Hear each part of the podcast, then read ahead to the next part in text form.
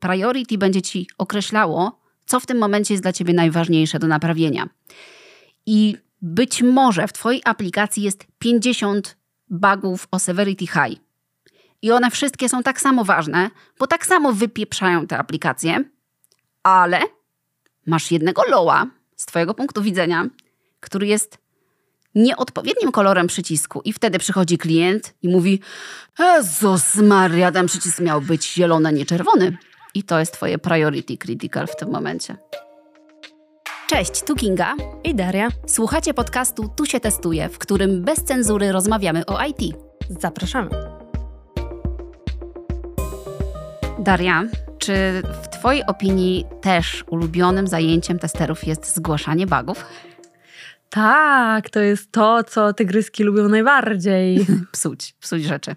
Odkrywać. Tak, ale też psuć. Psuć też ja mam I zgłaszać. Tak, ja mam wbudowaną fabrycznie opcję psucia.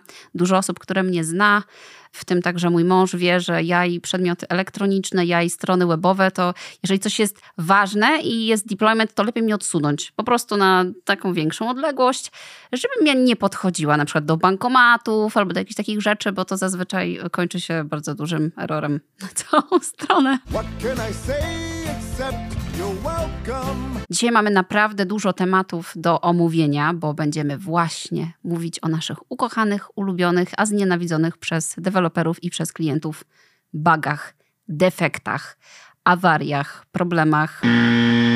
Definicje słownikowe, bo to jest niezwykle istotne. I jakbyś bardzo chciała zdawać teraz egzamin ASTQB, to na pewno będzie się przydała taka wiedza, że uwaga, uwaga, cytuję, błąd Działanie człowieka powodujące powstanie nieprawidłowego rezultatu. Nie poważnie. nie, nie wyglądasz, wyglądasz troszeczkę zszokowaną tą y, wspaniałą definicją, ale mam jeszcze drugą. Definicja słowa defekt. Wada modułu lub systemu, która może spowodować, że moduł lub system nie wykona zakładanej czynności, na przykład niepoprawne wyrażenie lub definicja danych. Defekt, który wystąpi podczas uruchomienia programu, może spowodować awarię modułu lub systemu. Ale okay. jestem mądra, nie? Mama Czyli... na kartce, wszystko wiem. Czyli z definicji wychodzi, że ty jesteś chodzącym błędem. Ej. Dziękuję bardzo. Daria Dobrzańska mnie podsumowała. Jesteś chodzącym błędem. Tak się cieszę, naprawdę tak się cieszę. To jest taka niespodzianka. Co jest takiego zabawnego w defaktach? To w ogóle nie jest zabawne. To nie jest zabawne. Zapytaj dewelopera, on ci powie, jakie to bardzo nie jest zabawne. Mamy takie piękne powiedzenie, nawet e, w mojej przestrzeni biurowej wisi plakat własnoręcznie przeze mnie przygotowany. Natomiast jest to cytat z naszego kolegi dewelopera, który uwielbiał swojego czasu powtarzać to zdanie i ja to zdanie szanuję. Uwaga, zaufaj programiście, a zdziwisz się zajebiście. Jak możemy w ogóle odkryć, że w oprogramowaniu jest błąd? Czy to jest tylko działanie intuicyjne? Bo na początku mojej pracy często, y, jak testowałam jakieś aplikacje, wydawało mi się, że właśnie o to chodzi w testowaniu, że trzeba intuicyjnie zgadnąć, co mogłoby nie działać, albo bawić się UI-em, aż się zepsuje aplikacja. Ale na pewno są na to lepsze sposoby. To chyba zależy, go spytasz, bo jeżeli zapytasz swojego klienta, no to on prawdopodobnie odpowie ci, że błędem będzie coś, co jest niezgodne z jego wymaganiami. Użytkownik może powiedzieć, że błędem jest coś, czego on nie rozumie na stronie. Dla mnie błędem będą różne rzeczy w zależności od tego, co sprawdzamy. To może być błąd na UI-u to może być błąd backendowy i jakaś 500, która wywala ci kompletnie aplikację, nic już nie możesz w niej zrobić. No ale to już bardziej będzie awaria. Ja mam takie sposoby, albo może takie porady dla osób, które chciałyby więcej się dowiedzieć o tym, jak testować, co testować i w jaki sposób tak naprawdę tester powinien te bugi wychwytywać, zwłaszcza dla osób, które zaczynają swoją przygodę z testowaniem. Dobrym pomysłem jest analiza wymagań, żeby wiedzieć, co w tym produkcie ma być zawarte, co powinno być w aplikacji, co ta aplikacja ma robić. Często możemy dostać to od klienta, może od biznes analityka, może od innych osób, które pracują już w projekcie, ale bywa też tak, że tych wymagań nie ma albo są niekompletne. I analiza tych wymagań powoduje jeszcze większe spiętrzanie się problemów w projekcie, niekoniecznie rozwiązywanie tych, które są. I w jaki sposób jako tester mogłabyś reagować tak naprawdę na takie brakujące wymagania, w jaki sposób uporządkować to wszystko, żeby mieć pewność, że to, co znalazłaś w aplikacji, to po pierwsze rzeczywiście są błędy, i jak to rozgraniczyć, że coś jest bagiem, a coś nie jest bagiem? Wydaje mi się tutaj, że potrzebujemy rozmawiać bardzo dużo i zarówno z deweloperem, jak i z klientem, może z menadżerem. To już w zależności od zespołu i od projektu, jak to mm, wygląda możemy mieć naprawdę różne źródła, ponieważ e, te wymagania mogą nie być spisane, tak jak wspomniałaś, ale mogą być przegadane pomiędzy klientem a deweloperem bezpośrednio. I ten deweloper może sobie coś dewelopować, tylko on po prostu może tego nie spisywać. Albo spisywać bardzo technicznie, gdzie to no, biznesowo nie odpowiada na pytanie, co on robi albo po co to robi. Mhm deweloper może to troszeczkę po swojemu przedstawić, no i, i może też nie zwrócić uwagi na pewne ważne informacje dla nas. Mhm. Dobrym pomysłem jest, kiedy tester i deweloper razem z osobą, która te wymagania ustala, siadają razem na samym początku tworzenia różnych historyjek użytkownika, czy jakkolwiek to nazywacie w projekcie, i wspólnie próbowali odkryć, co jest tak naprawdę do zrobienia.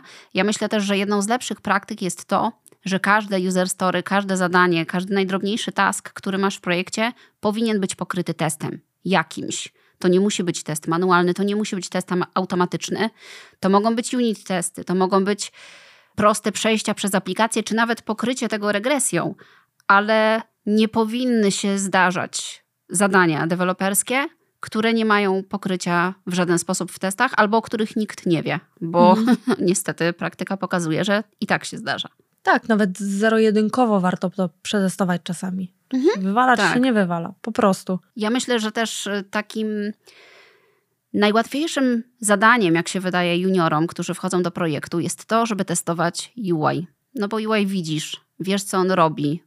Możesz odnieść się do tego, co znasz y, z życia, z jakichś aplikacji, z których korzystasz i w pewien sposób opierać się na swoim doświadczeniu jako użytkownik i na tej podstawie testować. Myślę, że to jest jedno z częstszych podejść i też jedno z częstszych błędów, jeżeli chodzi o testy, bo pomijamy w tym momencie gigantyczne zaplecze backendowe każdej aplikacji, a wydaje mi się, że od tego najłatwiej jest zacząć, czyli zacząć od testów backendu, bo backend zazwyczaj powstaje szybciej niż frontend, jest łatwiej dostępny ale tych testów też może być dużo, bo to może być baza, to mogą być zapytania do API, to może być sprawdzenie takich podstawowych funkcjonalności tej aplikacji, zanim ona jeszcze uzyska połączenie z frontendem. O ile mamy wiedzę, jak to zrobić, tak. albo skąd czerpać tą wiedzę, bo czasami jest tak, że deweloper nawet nie jest w stanie nam pomóc, bo jest tak zawalony robotą. I stąd może ten UI właśnie w pierwszej kolejności się pokazuje. Ale dobrą praktyką jest chyba też to, żeby tak jak mówiłaś, rozmawiać z deweloperem, ale ja mam też takie doświadczenie, że można z deweloperem testować. I wtedy tak naprawdę uczycie się wzajemnie od siebie, bo ty możesz pokazać deweloperowi perspektywę testera, na co ty zwracasz uwagę, testując jakąś aplikację. I deweloper może się od ciebie nauczyć kilku rzeczy, i później w kolejnych iteracjach tego developmentu już nie popełniać tych samych błędów a jednocześnie od dewelopera można zaczerpnąć wiedzę dotyczącą kodowania, czy tego, jak działa aplikacja, w jaki sposób coś sobie skonfigurować, żeby później pracować szybciej i bardziej efektywnie, niekoniecznie czekać na kogoś, czy zawracać komuś gitarę. Ja myślę, że to jest bardzo ważne, zwłaszcza dla testerów testujących aplikacje mobilne, no bo tam bez umiejętności samodzielnego zbudowania sobie na przykład wersji, no to testowanie jest trudne, po prostu. Trwa to dużo dłużej. I to jest super pomysł, żeby z deweloperem w ogóle siadać i testować albo przechodzić wymagania nawet, ponieważ my mamy trochę inną perspektywę i też e, znamy, wydaje mi się, bardziej z biznesowego punktu widzenia aplikacje. Tak, I tutaj często mamy tak. Mhm. Też możemy dużo rzeczy już wyłapać na bardzo, bardzo takim początkującym poziomie mhm. i nie mieć tych błędów i problemów w przyszłości. No jak zawsze to zależy, tak? Za każdym razem to zależy. Jaka to jest aplikacja, jaką ty masz wiedzę, jaką wiedzę mają deweloperzy, jaki to jest też moment tej aplikacji. No bo wydaje mi się, że jeżeli chodzi o testowanie aplikacji, inaczej to będzie wyglądało na początku, bo wtedy tych funkcjonalności jest mało i trochę skupiamy się na innych rzeczach, a inaczej to będzie wyglądało przed samym oddaniem tego produktu, bo wtedy i jest mniej czasu i raczej ten zespół jest już bardziej ze sobą obyty, doświadczony i nie potrzebuje aż takiego dużego nakładu na współpracę czy tam rozmawianie ze sobą. Znaczy, rozmawiać zawsze warto. warto. A co myślisz o przypadkach testowych? Czy ty zawsze w swoich projektach Masz jakieś specjalne narzędzie do tworzenia przypadków testowych? Tak, aktualnie posiłkujemy się wtyczką RIRową X-Ray. Bardzo fajnie się z tym pracuje, rzeczywiście. Ma ona wiele możliwości i tutaj my wpisujemy sobie rzeczywiście przypadki testowe, opisujemy praktycznie do każdej zmiany. Rzeczywiście ja tworzę później test plany i test execution i tam wszystko pięknie widać, mhm. co jest testowane, kiedy jest testowane, w której wersji to wychodzi. Także tutaj no, takie narzędzia są bardzo, bardzo przydatne, żeby się w tym wszystkim nie zgubić. Ale wtyczki do Jiry, czy Zephyr, czy X-Ray Wydaje mi się, że to już jest takie zaawansowane narzędzie. Nie każdy ma do tego dostęp, bo te rzeczy są drogie. I ja wiem, że małe firmy nie posługują się tego typu narzędziami, bo te licencje sporo kosztują i nawet jeżeli firma ma Jira, to niekoniecznie ma X-Raya i niekoniecznie chce za to płacić. Często też bywa tak, że testerzy nie chcą rozpisywać się aż tak bardzo na przypadki testowe i ja też pracowałam w takich projektach, gdzie przypadki testowe były mapą myśli i używaliśmy do tego tylko narzędzi do tworzenia mapy myśli i rozpisywaliśmy w ten sposób test case'y. Trwało to chwilę, tam nie było jakichś e, powtarzalnych rzeczy. Tak naprawdę takie zbędne elementy były wycięte do minimum, a jednocześnie było wiadomo, jeżeli coś sfailowało, jeżeli coś nie działało i co było pokryte. Więc jeżeli nie chcecie dużej dokumentacji, jeżeli wasz projekt tego nie wymaga, to taka prosta mapa myśli wydaje mi się, że też jest ok warto sobie znaleźć taką odpowiednią ścieżkę w projekcie, bo każdy projekt też jest inny, ma inne potrzeby. Jedne będą chciały więcej dokumentacji, bo klient tego wymaga, inne mniej. A tutaj naprawdę warto właśnie dotrzeć się z zespołem i po prostu znaleźć fajne rozwiązanie, które będzie się sprawdzało dla każdego i nie będzie też może zajmowało dużo czasu, no bo umówmy się, takie przypadki testowe, rozpisanie tego to naprawdę jest czasami czasochłonne tak idziemy, idziemy, dotrzemy w końcu do tych bugów, spokojnie, nie regulujcie odbiorników, dojdziemy tam. Mamy jeszcze jedną, jeden taki kroczek tak naprawdę, żeby dojść do samego testowania. W jaki sposób testować rzeczy? Jeżeli mamy aplikację, czy ty zawsze testujesz według planu, czy twój zespół zawsze testuje według jakiegoś planu, według jakiejś specyfikacji? Czy jaki sposób testowania preferujesz, a może jaki jest wymagany u ciebie w projekcie, bo to też zależy. Ja w ogóle zanim testowanie, to ja lubię pójść do dewelopera, który tworzył daną zmianę i pójść i z nim porozmawiać, zapytać się, jakie zmiany on wprowadził, czy były na przykład zmiany w bazie danych, czy jakieś API się zmieniło, jakie ewentualnie mogły dookoła być rzeczy zmienione, tak żeby on mi powiedział ze swojego punktu widzenia, co tam mogło się wydarzyć albo co warto sprawdzić, oprócz tej takiej funkcjonalności, która rzeczywiście miała być zmieniona, lub nowej, która miała być dodana. Bo wiadomo, że czasami jest tak, że zmieniamy coś w jednym miejscu, a domino leci w totalnie innym miejscu. Mhm, tak, no bo w jednym, w przypadku dewelopera to może być drobna zmiana, też już o tym mówiłyśmy, a w przypadku testów może się okazać, że cała aplikacja jest dotknięta właśnie tą jedną, drobną, pięciominutową zmianą, w ogóle nie mającą wpływu na nic. Mm -mm. Ale odpowiadając na Twoje pytanie, no to ja staram się e, zawsze przygotowywać wcześniej, czyli plan testów, test cases są tworzone na bieżąco, więc dodajemy je sobie do test planu. Ja też pracuję w Waterfallu, także to troszeczkę inaczej, inna dynamika projektu mhm, jest. Tak. Tutaj rzeczywiście mamy wszystko przygotowane do przodu, że tak powiem i mamy na to czas, możemy to sobie spokojnie zrobić. Tutaj to planowanie jest, wydaje mi się, łatwiejsze troszkę niż w przypadku takiego agile'a dwutygodniowych cykli release'owych na przykład. Mhm, to prawda.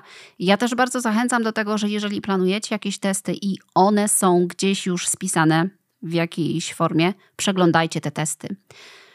I to nie tyczy się tylko testerów automatyzujących, bo często wydaje nam się, że to właśnie testerzy automatyzujący mają obowiązek przeglądać swoje testy i upewniać się, że one działają, a nie po prostu wyłączać te, które failują. I u mnie w projekcie też jest bardzo duży narzut na naprawianie testów, bo aplikacja się zmienia, te testy są bardzo dynamiczne. Natomiast testy manualne wydaje mi się, że tak samo powinny być często przeglądane oraz powinno być robione review w momencie pisania tych testów, bo dużo błędów czasami wynika z tego, że coś inaczej zrozumiemy. To tak jak w każdej rozmowie. Ja mogę o czymś opowiadać, mieć jakąś intencję i przekazywać ją tobie, a ty wyniesiesz z tego spotkania zupełnie coś innego. Często zdarzają się takie sytuacje i to samo mamy na spotkaniu chociażby Free Amigos czy na jakimś planowaniu. Możemy coś ustalić, a potem okaże się, że my zrozumieliśmy kompletnie inaczej. Więc jeżeli tester pisze test case'y, to dobrze, żeby ktoś inny zrobił review tych test case'ów, czyli je przeglądnął. Czy to biznes analityk, czy może inny tester, może test manager, chociaż nie polecam mikromanagementu, ale warto, żeby druga osoba na to spojrzała. Takie review są mega ważne i tak jak deweloperzy sobie nawzajem robią review, tak i my testerzy powinniśmy również sobie robić review, ale jak piszemy takie testy, to to też jest super, super ważne, bo tutaj możemy właśnie wykryć wiele, wiele błędów. Jak słyszę słowo review, od razu odpala mi się hasło naszego wspólnego kolegi Rafała, który zaczynał każde review swojego kolegi hasłem Smaruj dupę masłem. This is Sparta! Mamy review, mamy test case'y napisane, mamy jakiś test plan, mamy plan w ogóle, co my chcemy w tej aplikacji robić, testować i sprawdzać. I nagle, kiedy odpalamy te testy, aplikacja nie działa tak, jak powinna. I znowu posłużymy się takim przykładem z rozmowy rekrutacyjnej, który okazuje się nieoczywisty i nawet doświadczone osoby mają problem z tym, żeby powiedzieć, z czego powinien składać się opis baga, opis defektu. Co tam powinno być? Woda najczęściej, ziemia, woda, coś takiego, nie? Halucynacja, hemoglobina, dwutlenek węgla. No to tytuł. Im więcej szczegółów, wydaje mi się, tym lepiej, a w zasadzie może nie szczegółów, ale informacji takich mm, istotnych, istotnych czyli warunki wejścia, w ogóle co się wydarzyło, że znaleźliśmy się w danym miejscu. A nie tylko kroki, nie działa. Tak, kroki, które wykonaliśmy, e, żeby błąd wystąpił i to, co się wydarzyło, plus to, co się powinno wydarzyć. Dodatkowo wersja. To też jest ważna informacja, na jakie wersji myśmy w ogóle testowali, bo mhm. są środowiska, które mają naprawdę przeróżne wersje i można się w tym też zgubić. Screeny, logi, jeżeli takie są. Logi. Logi to jest bardzo ważna rzecz. Z DevToolsów też możemy wyciągnąć informacje o requestie, co tam przyszło, jakaś 500 czy jakiś inny mhm. błąd wyskoczył informacje, jakim użytkownikiem w ogóle się zalogowaliśmy. Tak, to też e, może być ważne. Tak, czyli jakie w ogóle on ma uprawnienia, bo admin rut, będzie rut. miał tak, całkiem, całkiem co innego niż taki gość. Ja mam taki protip. Nie screeny logów, tylko logi. Kopie logów, bo to też jest czasami bardzo interesujące. Logi, screenshot. No i co, sobie to zrobić? Przepisać?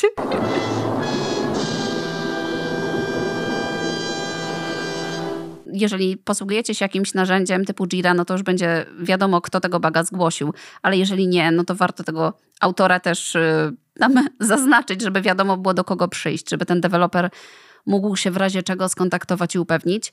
I po raz kolejny zachęcamy do rozmawiania z deweloperami, a nie posługiwania się tylko komentarzami w Jirze, bo dużo szybciej jest zapytać kolegi obok, co się wydarzyło, albo pomóc mu rozwiązać problem, niż robić sobie ping-ponga. Ja napiszę ci taki komentarz, ty mi napiszesz taki komentarz i mimo, że siedzimy obok, będziemy się tak ping-pongować cztery tygodnie i wysyłać sobie powiadomienia z Jiry. Woo! Super. To jest najbardziej efektywna praca na świecie. Możemy też się dzwonić z tym deweloperem i sprawdzić u niego na tym środowisku lokalnym, czy po prostu ten błąd został poprawiony i czy działa poprawnie. Wtedy to znowu skracamy tą ścieżkę, kiedy na testerskie środowisko dostaniemy tą zmianę i dalej coś będzie nie działało. Tak? Mhm. No i ja mam jeszcze taki jeden protip, warto zrobić sobie template takiego zgłoszenia błędu dla całego zespołu i poinformować ten zespół, że taki template istnieje, bo samo stworzenie czegoś jeszcze nie jest wystarczająco skończoną pracą. Bo bywa też tak, że biznes analitycy zgłaszają błędy, bywa tak, że jakieś osoby, na przykład supportu, zgłaszają błędy. I wtedy może brakować pewnych informacji, o których my wiemy, że są potrzebne, Dlatego warto taki template przygotować, umieścić sobie gdzieś, nie wiem, na konfulencie, powiesić na ścianie, jak to ma wyglądać I moje doświadczenie pokazuje, że jeżeli osoby w projekcie są poinformowane, że coś takiego istnieje, to wtedy z tego korzystają. Bo im bardziej skomplikowany projekt, im więcej osób jest y, potencjalnymi użytkownikami tego systemu i zgłaszaczami bugów, tym lepiej, żeby to było usystematyzowane i poukładane w ładne rządki, bo wtedy wiecie, co tam macie w tej Jirze, a nie macie jeden wielki chaos. I ludzie będą za to wdzięczni, bo będą wiedzieli przynajmniej, jakie informacje powinni zawrzeć w tym zgłoszeniu, żeby ktoś już mógł nad tym pracować. I nie będzie tego ping-ponga, o którym wspominałaś wcześniej. No dobra, ale my tu rozmawiamy o takim idealnym świecie, w którym jeżeli bug jest zgłoszony, to ktoś go naprawia. Ja tutaj teraz przelatuję z planety prawdziwego projektu, gdzie w backlogu jest gazylion bugów, których y, nie naprawia nikt i one tam już wymyśliły ogień i koło. Już czas po prostu wielki, żeby ktokolwiek na nie spojrzał. One tam biedne siedzą w kącie i nic. I co wtedy? Jakie są patenty na to, żeby chociaż trochę polepszyć stan aplikacji, jeżeli ciśniemy na feature'y, bo oczywiście wszyscy ciśniemy na feature'y i jakość naszej aplikacji w sumie jest nieważna, żeby testerom było lepiej, żeby deweloperom żyło się lepiej, żeby wszystko nie wybuchało przy każdym deploymencie. No to robienie review takich błędów co jakiś czas przydałoby się. No umówmy się, to nie jest tak, że my wypuszczamy wersję i ona jest wolna od błędów. I często jest tak, że my po prostu robimy wtedy listę takich known issues, tak zwanych. Uwielbiam, w moim projekcie jest labelka known issue. Jak jest known issue, to już w ogóle nie ma problemu, no bo przecież jest known. Tak, to możemy już sobie go olać, nie? No ale fajnie jest coś takiego zrobić i pokazać to dla klienta, żeby on był w ogóle świadomy, że takie błędy istnieją, bo coś, co dla nas jest e, popierdółką, dla tego klienta wcale nie musi być. Ale no tutaj naprawdę warto prowadzić sobie taką statystykę, labelki wprowadzić, żeby właśnie móc odfiltrować coś takiego. No i łatwiej sobie później tym zarządzać, nie? Posługujesz się trochę językiem Jiry i ja rozumiem, bo z tą Jirą mocno pracujemy. Jeżeli nie macie takich narzędzi, to warto w jakiś inny sposób sobie radzić i grupować te bugi, a przede wszystkim nadawać im severity i priority, bo wydaje mi się, że to jest bardzo ważne.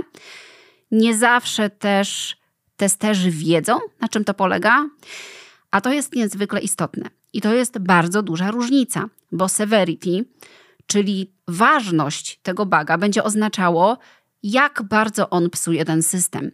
Czyli jeżeli ustawimy sobie, mamy powiedzmy severity critical, high, medium, low, no to ten critical to będzie coś, co wyrąbie ci tą aplikację w kosmos, czyli robię se klik, a aplikacja mi się wypi... Oh no!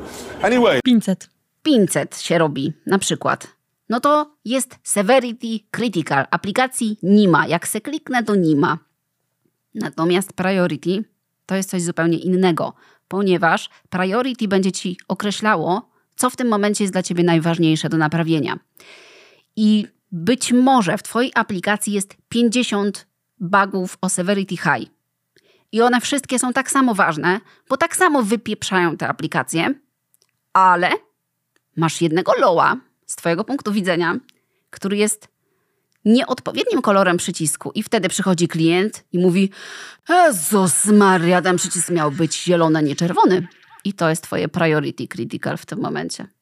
Bo przyszedł klient i pozamiatał Twoje wszystkie karty, rozburzył Twoje Lego i mówi e, przebija mnie. Klient ma takiego jokera, i to jest dla niego priority. Więc różnica między severity, czyli tym, co z racjonalnego punktu widzenia rzeczywiście w tej aplikacji nie działa, a priority, tym, co jest najważniejsze w tym momencie dla klienta do naprawienia, no to warto te różnice znać, się nią posługiwać i wtedy łatwiej będzie nam wszystkim ze sobą w projekcie rozmawiać. Ale tutaj znowu jest ważny kontakt z klientem i to, że my z nim rozmawiamy, pokazujemy mu te błędy, nie chowamy ich, nie zamiatamy, nie zamiatamy pod dywan, tylko rzeczywiście jawnie rozmawiamy i wtedy wiemy, co dla tego klienta jest ważne, co nie. Dla nas taki przycisk, kolor przycisku może być pierdołą, ale ten klient mógł podpisać umowę z kimś tam, że to ma być zielone, a jak będzie czerwone albo jakiś inny, to on dostanie kar pieniężny i dlatego może to też być dla niego taki wysoki priorytet.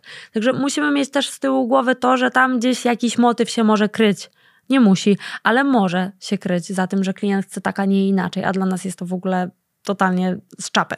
Ja jeszcze powiem z kontekstu firmy produktowej, w którym miałam okazję pracować, że tam bardzo dobrym patentem dla nas był triage, tak zwany, trochę jak na sorze. Umierający, nieumierający, tylko lekko spuchnięta kostka. Trzeba jakoś te bugi poukładać. I ten bug triage odbywał się raz w tygodniu. Pod uwagę były brane tylko bugi od klienta.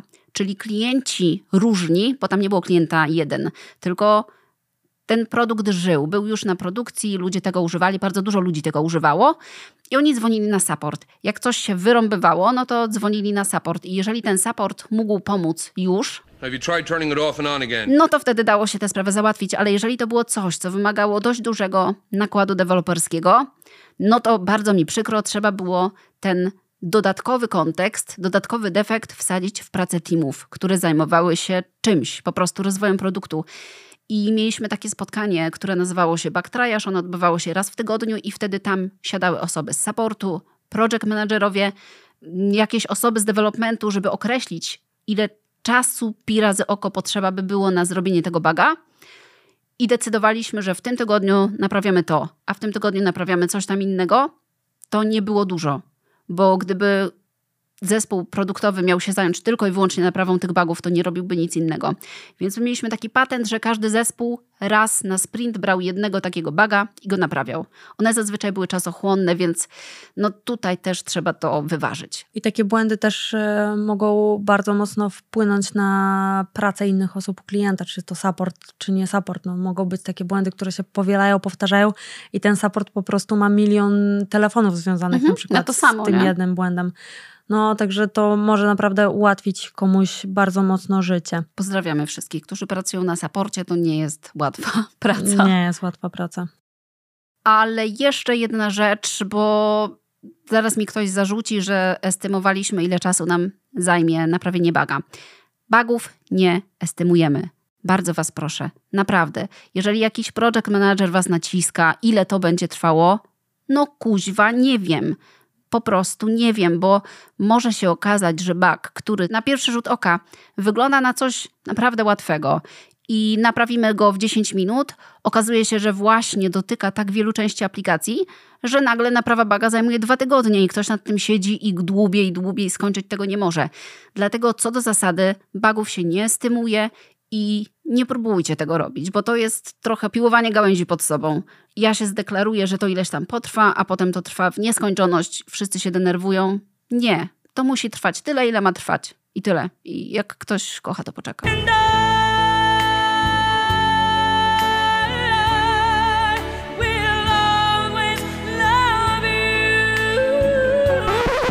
Kiedy zakończyć testowanie? Chyba są takie trzy typowe powody, czyli kiedy nam się skończy na przykład czas, Wow, that's the reason. zdarza się. Może się skończyć również budżet. No albo przetestujemy po prostu wszystkie założone test case'y, tak? Zdarza się. Skończyło się. Jeżeli mamy to, co zaplanowaliśmy, to po prostu kończymy. Jeżeli czas się nie skończy, pieniądze się nie Mhm. skończyły, może test case'y się nam skończyły. No ale wydaje mi się, że ten czas i pieniądze to są takie najczęstsze powody. No wydanie, jeżeli mamy zaplanowane, no to ciężko je przesunąć, ponieważ tak, e, zwłaszcza jak to jest jakaś promocja na przykład, która wchodzi, albo produkt, który już został obiecany i jest wielka kampania reklamowa, no nie zatrzymasz tego. No i pieniążki. No pieniążki jak się skończą, no to już nic z tym nie zrobimy. Może klient zawinąć biznes albo po prostu stwierdzić, że idzie w coś innego i to zostawiamy tak jak jest. I no issuesy niestety, ale rosną. No, trudne to jest wtedy do oszacowania, bo często jest y, też tak, że jeżeli wiesz już, że będą się kończyły pieniądze, no to trochę trzeba wybrać takie ulubione dziecko, co naprawiamy. Kogo ratujemy? Tego pana ratujemy, tego pana nie ratujemy. Dziękuję bardzo. I to trochę jest już taka analiza ryzyka na czuja, co twoim zdaniem najbardziej potencjalnie się wypierdzieli w tym systemie i wtedy ty decydujesz, co jest największym ryzykiem.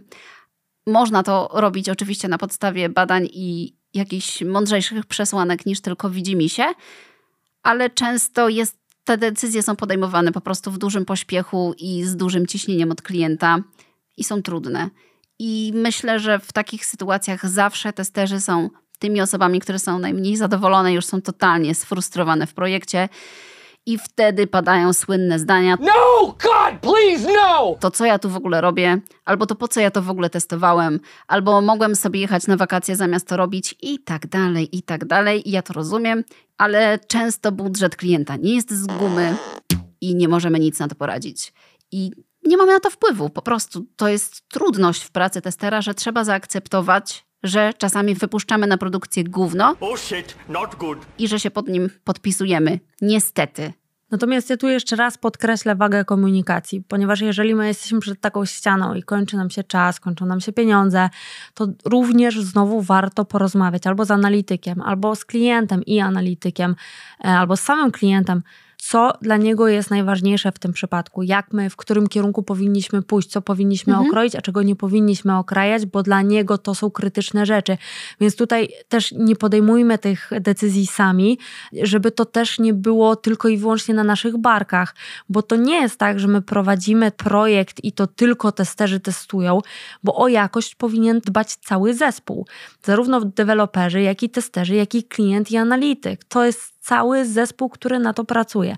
Więc tutaj rozmawiajmy i pytajmy i budujmy tą strategię wspólnie, co odpuścić, czego nie testować, jeżeli nie mamy czasu albo pieniędzy, a nad czym się skupić. To jest istotne, żeby wiedzieć, co jest naszym priorytetem i żeby wszyscy się przede wszystkim zgadzali co do tego priorytetu. Bo tu nawet nie chodzi tylko o naprawę defektów, ale tak samo o rozwój tej aplikacji, bo może niektórych funkcjonalności aż tak bardzo nie potrzebujemy, a na innych musimy się skupić.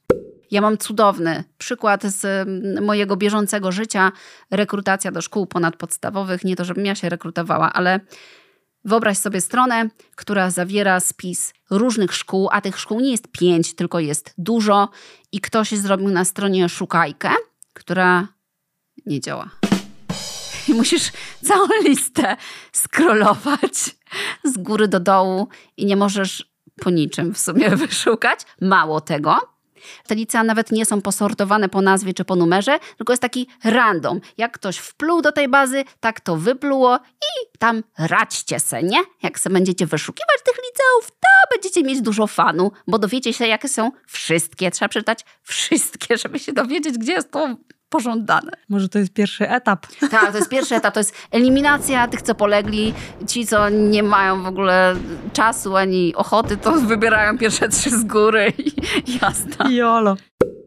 Ja bym chciała też Wam powiedzieć, że my czytamy Wasze komentarze i że dla nas to jest naprawdę super, że piszecie do nas, że zadajecie nam pytania, że jesteście żywymi osobami i my też jesteśmy żywymi osobami, które na te pytania mogą odpowiedzieć. I to jest super, super dla nas źródło radości i tego, że mamy jakichś słuchaczy i ktoś tam jest po drugiej stronie i ktoś y, trochę ocenia naszą pracę, a trochę wierzy w to, że jesteśmy kompetentne.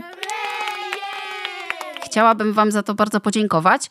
I my sobie obserwujemy Wasze komentarze na YouTubie, na Instagramie i w najbliższym czasie najbardziej aktywne osoby, które z nami korespondują, które z nami rozmawiają, nagrodzimy miłymi upominkami. Także śledźcie naszego Instagrama, coś ciekawego tam się na pewno niedługo pojawi. Podsumujmy sobie nasze bago rozważania. Co jest ważne? Co tak naprawdę jest takim clue, jeżeli tworzymy development? Pierwsze, co mi się nasuwa na, na myśl, to jest komunikacja, żeby rozmawiać, żeby rzeczywiście być pewnym tego, że dobrze zrozumieliśmy te wymagania y, lub to, co inna osoba chciała nam przekazać. I im szybciej gdzieś tam będziemy ze sobą rozmawiać, im szybciej testerzy będą angażowani w analizę, w wymagania, tym możemy gdzieś tam uniknąć tych błędów w momencie developmentu, czy już później, jak już testujemy, ponieważ wcześniej możemy to wyłapać lub y, zaplanować coś, żeby po prostu nie mieć tych błędów. Pamiętajcie też, że koszt naprawy baga znalezionego na początku developmentu, czy na środowisku deweloperskim, czy testerskim jest dużo niższy niż naprawienie tego samego defektu, który na przykład znajduje się już na produkcji. I tu nie mówię tylko o koszcie finansowym, bo to też i dłużej trwa i angażuje więcej osób, ale często to może być duży koszt wizerunkowy, więc jeżeli coś naprawdę grubego pojawi się na produkcji, no to wizerunek firmy w tym momencie cierpi, a tego byśmy nie chcieli.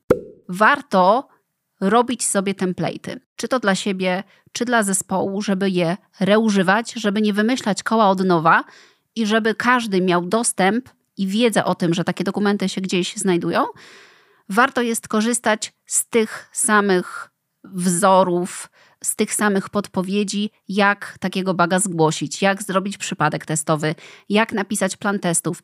Bo tak jak już kiedyś mówiłyśmy, ludzie przychodzą do projektu, część ludzi odchodzi i jeżeli ta wiedza nie jest gdzieś zdeponowana i spisana, no to potem robią się problemy, są braki w tej wiedzy. Może też pojawić się i problem w komunikacji, i problem w testowaniu aplikacji, bo okaże się, że jakieś funkcjonalności, które pojawiały się na początku i potem już ktoś o nich zapomniał, a nie udokumentował tego, nagle w nich znajdą się błędy, no i nie wiemy, jak do tego podejść. Także bardzo polecam dokumentować, w jaki sposób Wam pasuje, bo to nie muszą być jakieś gigantyczne Wordowe, Excelowe czy jakiekolwiek dokumenty.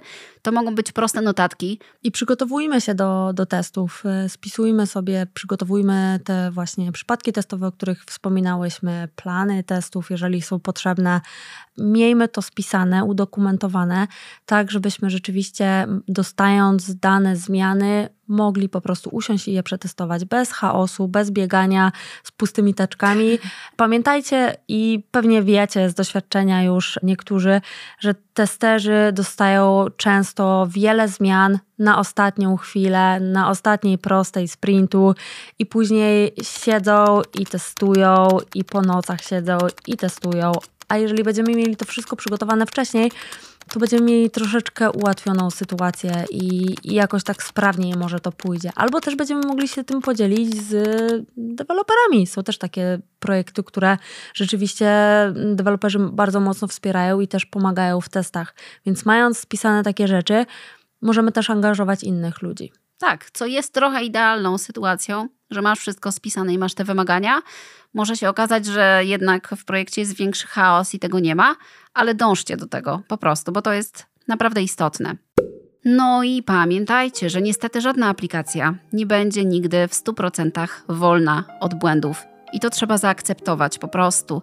Testerzy chcieliby, żeby jakość aplikacji była najlepsza na świecie, bo zwłaszcza jeżeli to jest wasz pierwszy projekt, to traktuje się go jak swoje własne dziecko i jak wypuszczasz to dziecko na produkcję, chcesz, żeby to było super i żeby ludzie się tym cieszyli, żeby użytkownicy mieli więcej radości niż frustracji z korzystania z tego twojego produktu. A niestety często zdarza się, że tak nie jest i akceptacja tego faktu jest też bardzo istotna dla waszego zdrowia psychicznego, dla waszego rozwoju, dla kontynuacji waszej pracy. To, że nie da się czegoś przetestować, to, że coś nie będzie naprawione i ty o tym wiesz, trudno. Taki jest development, takie jest życie, budżety się kończą, czas się kończy.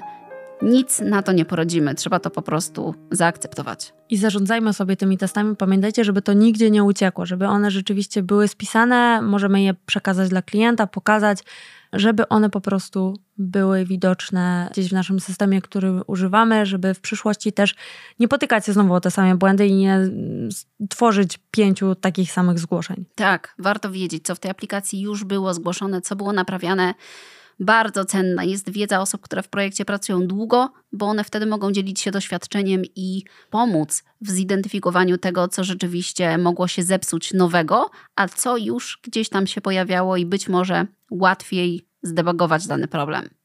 Na zadanie domowe napiszcie pod tym filmem na YouTubie opis swojego najlepszego, najśmieszniejszego, najtrudniejszego baga, defektu lub też awarii, który udało Wam się znaleźć, albo który zgłosił Wasz klient. Bardzo chętnie poczytamy Wasze opowieści.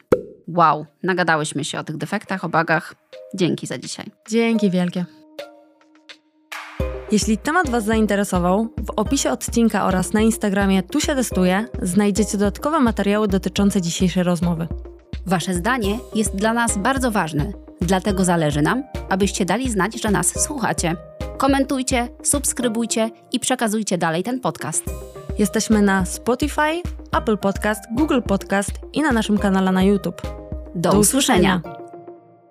A ja mam dzisiaj książkę prawdziwą, znowu mam prawdziwą książkę, uwaga, szeleszczę. Taka pachnie nowością, bo sobie kupiłam ją w nowej wersji. Czytałam ją kiedyś po angielsku, a teraz jest po polsku, nawet nie wiedziałam. Nazywa się Człowiek kontra komputer, Człowiek VS Komputer. Napisał to Gojko Adzić. To nie jest nowa książka, ale wydaje mi się, że tłumaczenie może być troszkę nowsze. Książka jest z 2017 roku i ona jest super. I ja to polecam testerom i deweloperom. Zresztą Gojko Adzić jest, był, nie wiem czy jest, był na pewno deweloperem i takim deweloperem, który ma zamiłowanie do dobrej jakości aplikacji. Myślę, że dogadałybyśmy się z nim, byśmy go poznały i zaprosiły go do podcastu, to na pewno rozmawialibyśmy wspólnym językiem. Natomiast te historie, które on tutaj opisuje, bo to jest książka, która jest takim drobnym studium przypadku. Tutaj są różne historie, troszkę nawiązujące, prawie tak jak my opowiadałyśmy w pierwszym odcinku o CD Projekcie, opowiadałyśmy o problemach z rentgenem, to tutaj są tego typu właśnie historie opisane, naprawdę dające do myślenia, bo ta książka nawet zawiera ćwiczenia i wskazówki dla deweloperów, w jaki sposób ustrzec się tych najprostszych y, błędów albo tych najczęstszych błędów, które mogą mieć bardzo duże konsekwencje, a jednocześnie wiedząc, jakie pułapki mogą czyhać w systemach, jak sobie można ułatwić życie, znając takie różne dziwne myki i backdory. Natomiast to, co bardzo mi się podoba w tej książce, to, co jest nawet napisane we wprowadzeniu, nie będę dokładnie cytować, ale on tutaj wskazuje bardzo ważną rzecz, że wydaje nam się, że jeżeli będziemy automatyzować systemy, to one będą inteligentne. A to przecież ludzie automatyzują i piszą te automaty i wymyślają rzeczy do tych systemów, więc one będą tak inteligentne, jak ludzie, którzy je napisali. I one nie będą przewyższały, no może nie niedługo, tak, ChatGPT i te sprawy, może niedługo przewyższy nas to inteligencją, ale w tym momencie, jeżeli coś jest automatyczne, to nie znaczy, że jest lepsze. To może zawierać takie same błędy. I bardzo podoba mi się zdanie, że to, że coś jest zautomatyzowane, to tylko zwiększa skalę problemu, a nie rozwiązuje problemy. Więc z tą myślą Was zostawiam i ta książka, ona jest wydana przez y, wydawnictwo PWN, Człowiek kontra komputer. O tej książce mówię. Zachęcam Was zdecydowanie do przeczytania tej książki, bo czyta się to łatwo, lekko, a jest bardzo cenną wiedzą.